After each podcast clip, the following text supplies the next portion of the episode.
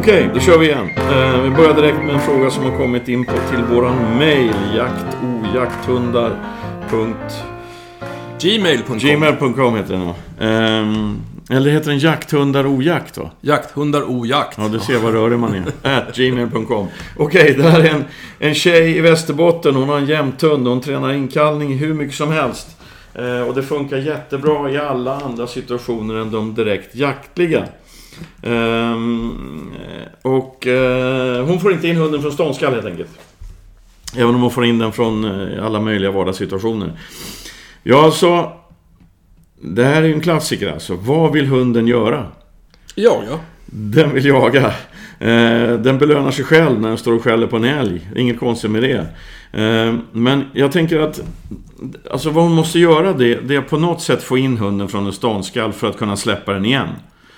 Så hon måste ha en schysst matsäck med sig i skogen och en sovsäck och sådär. Eh, när, hon väl, när hunden väl lämnar ståndskallet, för förr eller senare gör den ju det. Då ska hon så fort hon har in hunden in, in till benet säga du är duktig du och så knuffa tillbaks hunden till älgen igen. Men det där är ju, det där är ju svårt Va? Eh, därför tycker jag att man ska, man ska börja den här träningen i andra situationer där hunden absolut vill göra någonting annat. Ett exempel är när hon släpper hunden på frisök. När hon tar hunden i bilen, sätter på den pejlhalsbandet och vad vill hunden göra då? Den vill rusa ut i, i skogen och hitta älg. Det är liksom målet, det vill den absolut göra. Ja men släpp hunden och när hunden har kommit 30 cm från benet, då petar man till den, vrålar till och sen när hunden tittar ser man kom och så backar man in hunden och då släpper man den. För då bryter man hunden just när den vill göra någonting annat än att komma. Men när den då kommer, för de har ju kontroll va. När den då kommer så belönar man med det hunden faktiskt vill göra just den sekunden. Eh, så, så, mm, och så hittar hon andra sådana situationer då. När hunden kommer på en, eh, tillbaks efter en tom sökrunda.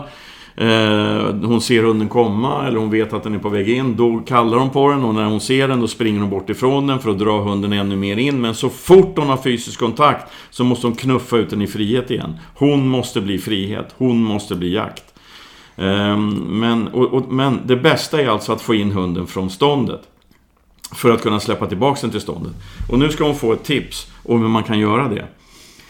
Eh, när hunden står och skäller på älg, alltså inte direkt i upptaget utan när hon hör på skallet att hunden har kontroll på ståndet. Då smyger hon in mot det här ståndskallet, givetvis rätt i vind och utan att störa viltet. Eh, och, men inte särskilt nära. Och när hon, när hon har kommit fram dit, då visslar hon. En enda gång. Hundar hör sex gånger bättre än människor. Alltså om hon lägger den visslingen i, i, en, i ett uppehåll i skallgivningen. Alltså de flesta jämthundar har skallsekvenser. Så att och hon lär sig att hon, hunden har 14 skall och sen är det ett två sekunders uppehåll. Då lägger hon den här visslingen. Men hon får bara vissla en enda gång. Därför om hunden hör den visselsignalen, då kan nyfikenheten driva hunden att komma och ta reda på var det verkligen matte. Får hon in hunden då, då knuffar hon tillbaka till ståndet. Om hon visslar två gånger, vad händer då? Första visselsignalen blir Är det där matte? Andra visselsignalen betyder i hundens huvud Det var matte. Och vi jagar båda två. Mm. Alltså det betyder inte inkallning. Om inte det funkar så kan hon backa och så byter hon vinkel till ståndet. 30 grader åt ett eller det andra hållet. Och, och går in och gör samma sak. Funkar inte det, då backar hon igen och, och byter vinkel en gång till. En visselsignal och varje gång ska hon vänta minst fem minuter alltså. Och gör hon rätt så kommer hon höra att skallintensiteten minskar, hunden tänker. Okay? Nästan alltid funkar den taktiken. Om den inte skulle funka, då, då, då kan hon ta med en kompis in. Kompisen visslar en visselsignal. För det är en annan visselsignal. Mm. Då kan hundens nyfikenhet växa ännu mer. Eh, och allt det här alltså för att kunna få av hunden för att direkt kunna belöna med att skicka tillbaka den till ståndet igen. Det vill säga inte ta tag i hunden och gulla med den i en köttbulle. Utan så fort man har fysisk kontakt och knuffar man tillbaka den till ståndet igen. Så skulle jag göra. Om, det ska hon göra resten av den här säsongen. Och om inte det funkar, då får hon skicka ett mail igen. För det finns tusen andra prylar man kan göra. Men det här är liksom det som brukar funka. Bra! Eh, apropå jämthundar. Nu vill jag ställa... Jag vill ställa en fråga till dig och eftersom vi sitter bredvid varandra så är det dumt att jag mejlar. Eh, Orka, som snart är sju år gammal. Du känner ju Orka väl. Hon är eh, helt okej okay i skogen och vi skjuter vilt för henne och sådär. Eh, Hon jobb, jobbar hårt, intensivt, hon har koll på läget, alltså allt det där. Fysiskt vältränat, något fruktansvärt vid det här laget. Eh, men det är en grej som börjar göra mig lite orolig och det är att när hon har jagat ett par dagar i, rad, stenhårt. Vi kommer hem, hon lägger sig ner och vilar och sover som en sten i två, tre timmar. Jag visslar till, nu ska vi ut och kissa. Då har hon uppenbara problem att få med sig bakvagnen. Alltså det är inte så att hon gnäller eller släpar rumpan eller någonting. Men det tar tid att få upp bakvagnen. Det där måste ju vara tecken på något. Vad fan är det som händer? Ja, och det där är ju... Det kan vara en liten anledning till oro. Alltså det, eftersom vi är så långt in i säsongen och jag vet ju hur hårt Orka har jagat så tänker ju inte i första hand på att det här skulle vara muskelömhet. För, för att hon är som sagt otroligt vältränad nu. Eh, det är klart att efter två dagars intensiv jakt så kan man få lite träningsverk och ont i musklerna. Men, men det borde inte vara ett stort problem så här långt in på säsongen. Eh, och då är det det andra som, är, som möjligen eh, orolig, men som, som skulle kunna vara. Och det är det som vi kallar för artroser eller pålagringar i en eller flera leder. Och artroser är ju någonting som drabbar ganska många hundar som börjar komma lite upp i åren. Nu är ju inte Orka lastgammal på något sätt, men, men hon är en storvuxen ras och det är framförallt hos de storvuxna raserna vi ser problemet. Eh, och vad artroser är, är ju helt enkelt att, att en led som består av två skelettdelar som, som ligger mot varandra Eh, det börjar utvecklas extra benvävnad i den leden som gör att leden blir eh, lite ojämn kanske i sin yta. Eh, och beroende på hur mycket pålagringar det är så kan det också begränsa rörligheten i leden. Och artroser uppstår kan uppstå liksom helt Det är därför vi ser det mest på, på äldre hundar, storvuxna hundar, därför att de har haft en lång och trogen tjänst och en ganska stor belastning på leden. För att vad artroser är egentligen kroppens försvarsmekanism. Att försöka stärka upp en led som utsätts för stor påfrestning, stor belastning. Så det är lite knasigt, men då tycker kroppen att här, här har vi ett mycket tryck och jobb i den här leden. Vi bygger lite extra ben så blir den starkare. Men det blir den inte, den blir bara skrovligare och, och ställer till problem. Så att man, det finns ju två grundorsaker till artroser. Det finns ju ganska många raser där man faktiskt har som krav att hunden ska vara höftledsröntgad eller armbågsledsröntgad eller både och för att gå i avel. Och det är därför att vi har det vi kallar för höftledsdysplasi som är medfött Alltså vad man letar efter är medfött dåliga höftleder eller medfött dåliga armbågsleder. Leder som helt enkelt inte har utvecklats på ett, på ett perfekt sätt. De hundarna har en stor risk att utveckla artroser. Sen kan man eh, som sagt få artroser på grund av lång och trogen tjänst, långvarigt slitage eller någon typ av trauma, någon smäll eller någon skada i någon led. Eh, vad gör man då om man har artroser? I det här fallet så säger du att hon har svårt att få med sig bakdelen upp. Då tänker jag spontant på höfterna. Det skulle kunna vara knäna, men frekvensen på knäartroser är lägre. Eh, men det skulle också kunna vara ländryggen, att man har fått eh, lite sammanväxningar eller pålagringar i, i ländryggskotorna. För att det här går ju över väldigt snabbt. Alltså, det är inte så att, att, det, att det tar fem minuter, utan jag märker att hon hon får kämpa lite för att få ja. med sig och resa upp bakdelen. Ja. Och, och sen sträcker hon på sig och sen är hon precis som vanligt igen. Ja, och så att jag menar, det finns ju fortfarande förhoppning att det här är muskelstelhet, träningsverk efter intensiv Men finns det, något, finns det något man kan göra, om det nu är begynnande artrosproblematik här? Finns det något man kan göra för att minska problemet eller? Ja, det gör ju det. Alltså det eftersom artros är en otroligt vanlig åkomma eh, på, på, som jag sa, framförallt storvuxna äldre hundar. Så man har liksom en trappsteg i behandling.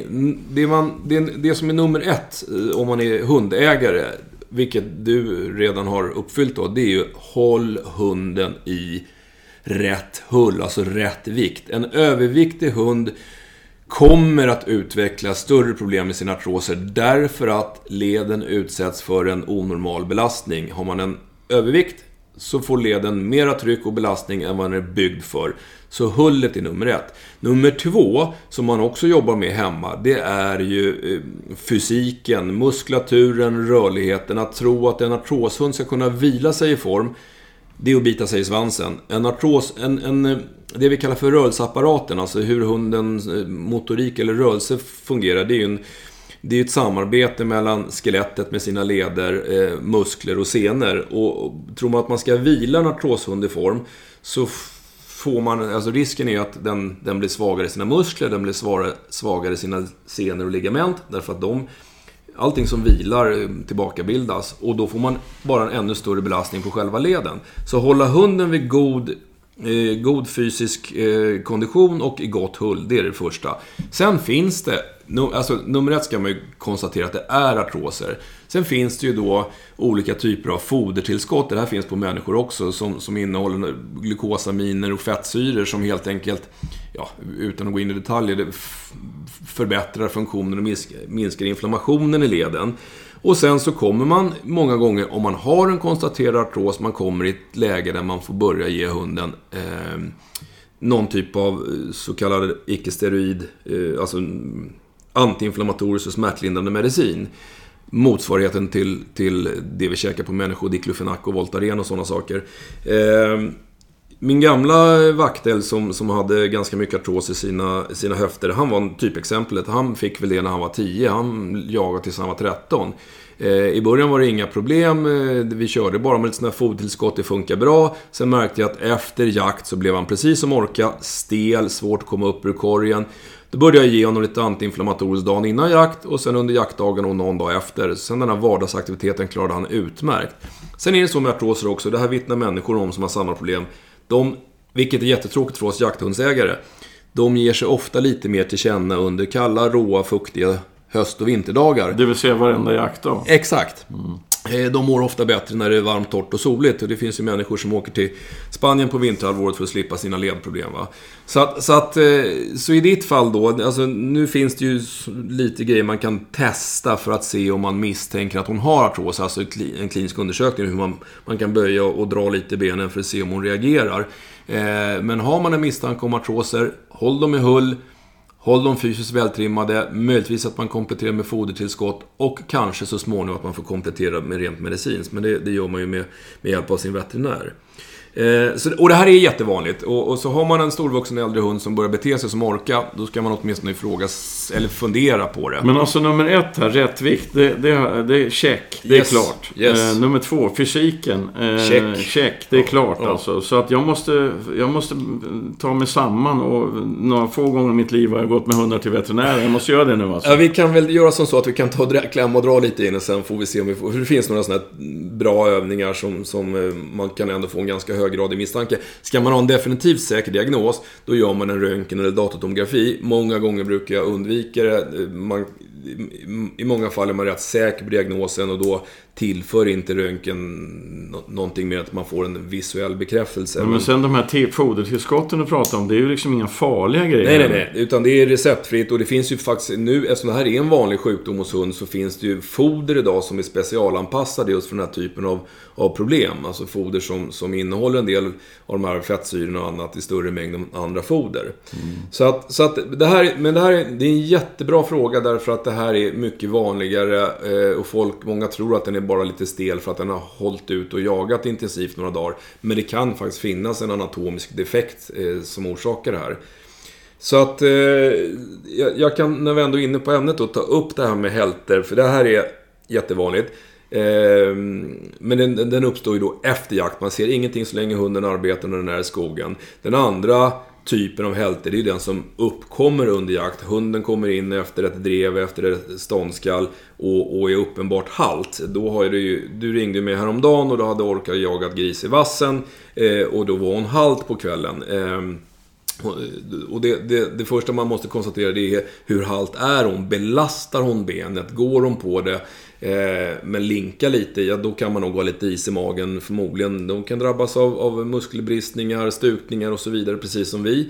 Då kan man ha lite is i magen eh, och låta henne vila något dygn eller två och se om det blir bättre. Är hunden blockhalt, alltså den använder inte benet då eller uppenbart smärtpåverkad, ja då ska man ju kolla upp det. Va? Det kan ju vara alltifrån en fraktur till en muskelbristning eller en senskada eller något ligament som har gått av, någonting sånt där. Så att, så att eh, är den så pass besvärad så ska man inte bara ha is i magen, då kan det vara värt att kolla upp det. Ja, det ska vi göra. Jag måste ringa en veterinär. Ja, ring en veterinär. Vi tar en paus och lyssnar på musik så länge.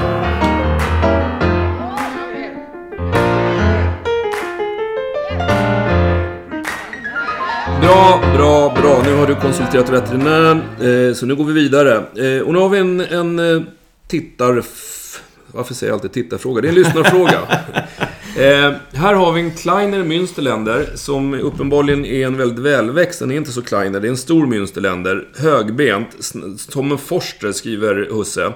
Eh, den här har två problem. Den, eh, det ena är att, vi kan börja med det, den går tyst. Det vill säga att den förföljer vilt, den driver vilt, men tyst. Enda gången den kan skalla är när det, när det står någon gris stilla framför den, då skallar den. Och den har ett bra skall. Eh, men annars så jagar den allting tyst. Vad göra? Ja, först måste man konstatera att Kleine Münsterländer är en fågelhund. De ska Ja. inte skälla. Alltså det är nummer ett. Ja.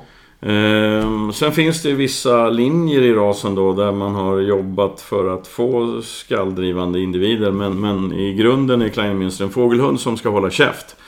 Eh, det där med att hunden skäller ståndskall då. Eh, det tror jag inte att den gör. Jag tror att den, den varnar. Jag tror att det, eftersom den inte skäller som en drivande hund gör eller ståndhund gör. Så är de där skallen mer vaktskall, varningsskall alltså, skulle jag tro.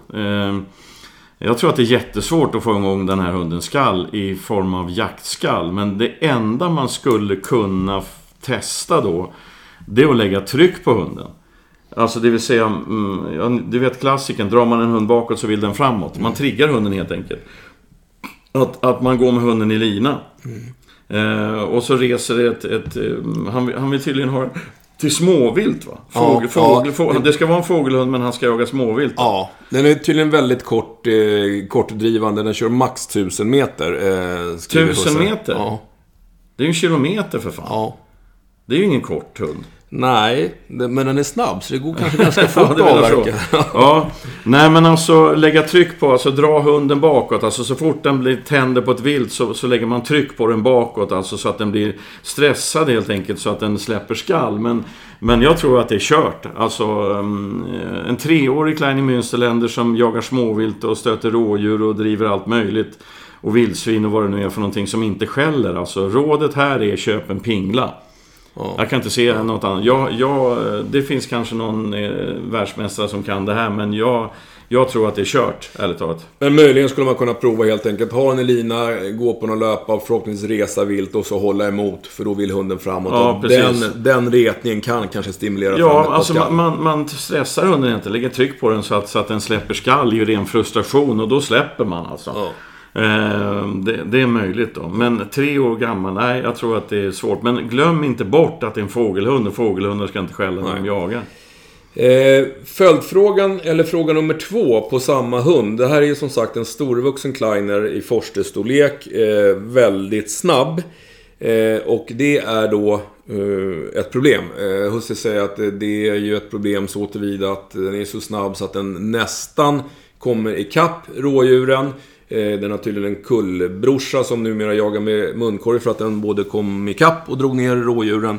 Eh, och, och bortsett från den risken då, och det är ju en uppenbar risk eh, att hunden själv tar viltet, så, så går det ju extremt fort när eh, djuren kommer fram till passkyttarna. Plus att rådjuren, som den här verkar jaga mycket av, eh, går ju... De får ju panik, de flyr rakt ut ur såten. Det är inga bukter där inte, utan de försvinner in på grannmarken. Tusen meter. Frågan är ju då, kan man på något sätt bromsa tempot? Det här är ju, det jag ska säga nu är väldigt sorgligt alltså. Och sådär, kan kanske missförstås men den här hunden ska man inte jaga rådjur med ens. Jag kan inte... Det är bara att konstatera att det här är ju inte en hund som man ska jaga eh, på det här sättet med. Men, men okej, okay. hur ska, kan man dämpa farten? Ja, alltså det enda sättet eh, att få ner den här hundens, eller få ner risken för att den här hunden ska springa ikapp och riva ner rådjur. Det är lydnad. Jag kan inte se någon annan grej liksom. Om du, inte, om du liksom inte binder ihop bakbenen på hunden eller något. Vilket man absolut inte ska göra. Men alltså det är lydnad. Så fort hunden får upp eh, och, och det börjar gå undan, man ser på pilen att det börjar gå undan. Då är det stopp som gäller. Stopp och kom hit. Alltså ungefär som en spaniel under bössan. Alltså se till att hunden reser viltet, får fart på det och sen är det stopp. Så lydnad helt enkelt.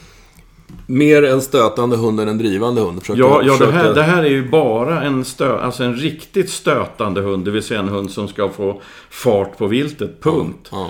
Ehm, Det kan ju inte vara särskilt effektiv jakt heller. Alltså om, om det nu är passkyttar runt en, runt en såt och det kommer ett rådjur som, som flyger, lågt flygande jas liksom förbi passet. Det är inte heller bra. Men, men alltså, jag förstår ju den här killen också. Han vill, han vill jaga med sin hund. Han, har, han gillar hunden, hunden gillar honom. De har skitkul ihop och de springer i skogen och jagar och allt det där. Men, men det finns en etisk sida av det här som, som, som är ganska viktig alltså. Ehm, det, här, det låter inte som att den här hunden ska jaga klövvilt helt enkelt. Alltså det, det, det känns inte så.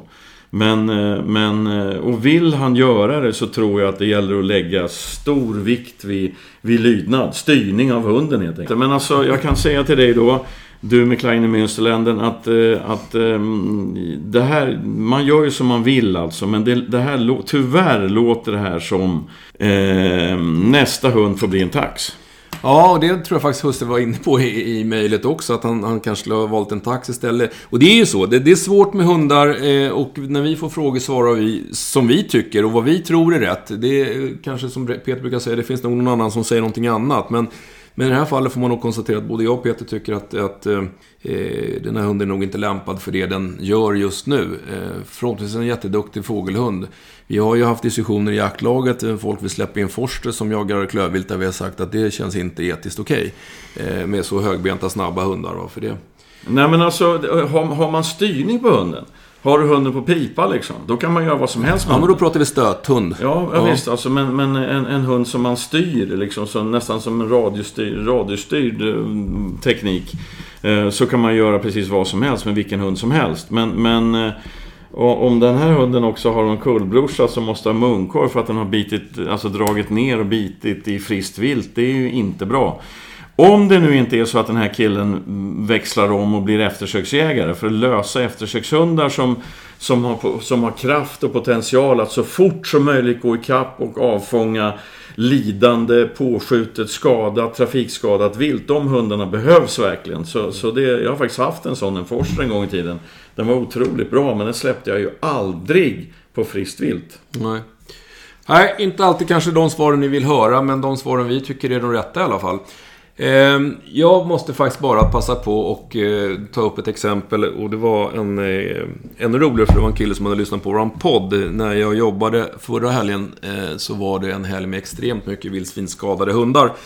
Men bland annat kom det in den här karelaren som hade en väldigt ful, stor vildsvinsskada i ljumsken. Och Husse som hade varit nära när det hände hade lyssnat på vår podd. Mm. Eh, han hade en allsköns massa bråte i fickorna och det här var en sårskada som stod och pulserade blod. Eh, det sprutade alltså ut blod i jämna pumptag, så det var väl en artärblödning. Eh, knytnävsstort hål i ljumsken eh, och eh, Husse tog det han hade och han hade en hel del små bandagematerial. Han tryckte in det här i hålet. Det var handskar och det var bandage och sen så drog han sån här elastisk binda runt. Alltså han, han satte ett, ett rejält tryckbandage på Han räddade livet på hunden. Ja, eh, och det gjorde han faktiskt. Och det som han sa att han... han jag berömde honom för jag sa att han har gjort helt rätt. Och det var lite smutsiga vantar och annat i såret. Men det är ett sekundärt problem att ta hand om skiten i såret. Men blödningen, det är ett primärt problem. Det hade hunden dött av. Så att, så att det var jätteroligt att se att, att det finns företagsamma människor. Sen, sen var Husse lite extra stolt för att han hade gett hunden lite smärtlindring i skogen när han ändå höll på. Eh, han, han är fortfarande väldigt högt i min aktning, men, men den delen kan man skippa. Och det är faktiskt så att de här smärtlindrande preparaten som, som vi jägare eh, ofta har hemma, eh, det finns ju en uppsjö av dem som veterinärerna skrivit ut för olika hälter och annat. De har en egenskap eh, som man inte vill ha när man har en hund som blöder. De har nämligen en, en negativ påverkan på kroppens, eller blodets förmåga att koagulera, stelna. Så att den typen av smärtlindring ska man inte ge om man har en blödning. Bara som en liten extra påpekande eller påminnelse. Annars var det all by the book. Väldigt eh, imponerad över den hussen. Eh, bara en kortis till då. Det ringde en kille och pratade om eh, Norrbottenspets. Eh, han hade hört att, man, att, de är väldigt, att det är väldigt bra hundar när det handlar om vildsvinsjakt. Det blir sjukt mycket fokus på vildsvin i den här podden, men, eh, men det blir ju så. Vi får sådana frågor. Eh, är det ett bra val om man ska jaga vildsvin? Och absolut, det kan det absolut vara. Men som jag sagt flera gånger så handlar det om vad hunden har i huvudet. Min erfarenhet av småspetsarna, alltså finspetsar och norrbottenspetsar, det är att de jagar det man lär dem att jaga. Det är ju rena träskällare, de ska jaga skogsfågel och mår och sånt. Ehm, det är, det, det är därför de finns till, det är det de är avlade för. Men jag vet också att väldigt många norrut som kör fram sina eh, småspetsar till träskällare. När första priset är taget så börjar de jaga annat. De jagar älg, till, de skäller till och med björn alltså. Så det är klart man kan jaga vildsvin med en norrbottenspets. Um, så är det. Men det är samma sak där. Det är en specialistutbildning vi snackar här. Välj valp noga. Var försiktig och klok när hunden jagas in. Och det är inte säkert att man får en vildsvinshund bara, man köp, bara för att man köper en viss ras. Mm. Det sitter inte i rasen, det sitter i hundens huvud och hur man utbildar rasen. Nu var jag väl jävligt pekpinnaktig och, och stöddig här. Jag har väl något roligt att säga på slutet. Vi var ju lite deprimerade i slutet på förra programmet. Har du någon kul anekdot, någonting du kan dra? Ehm, ja, faktum är att, eller anekdot, men en ren sanning. I fredags när jag hade folk från Kiruna som inte är van vid den här typen av jakt. De kommer från en och en halv meter snö, kör bil 140 mil, jag kastar in dem i vassarna i skärgården och de ska jaga vildsvin. Efter en timme i vassen där hade en av killarna 170 puls. Han har en pulsklocka. Han kom ut och så sa han så här. Fy fan, det här är vildsvinsjakt alla vet kong. Ja, men då kan jag, jag kan avsluta med en annan rolig historia. En av mina äldsta vänner, eh, som du också känner, han har en son som Förra året när vi firade nyår ihop så, så avgav två sönerna ett nyårslöfte att de skulle ta jägarexamen under 2019. Eh, vilket de nu har gjort. Och eh, den äldre av de här två bröderna var med på sin första jakt med vapen nu i helgen i Småland. Och han sköt sitt första dåvilt. Det var fantastiskt roligt, men det var apropå det här med pulsen. Han sa det efter, efter den här jaktsekvensen, man kommer ju nästan ihåg sitt första vilt man fällde. Han sa det att Jag tror att jag får åka hem nu, jag är helt slut.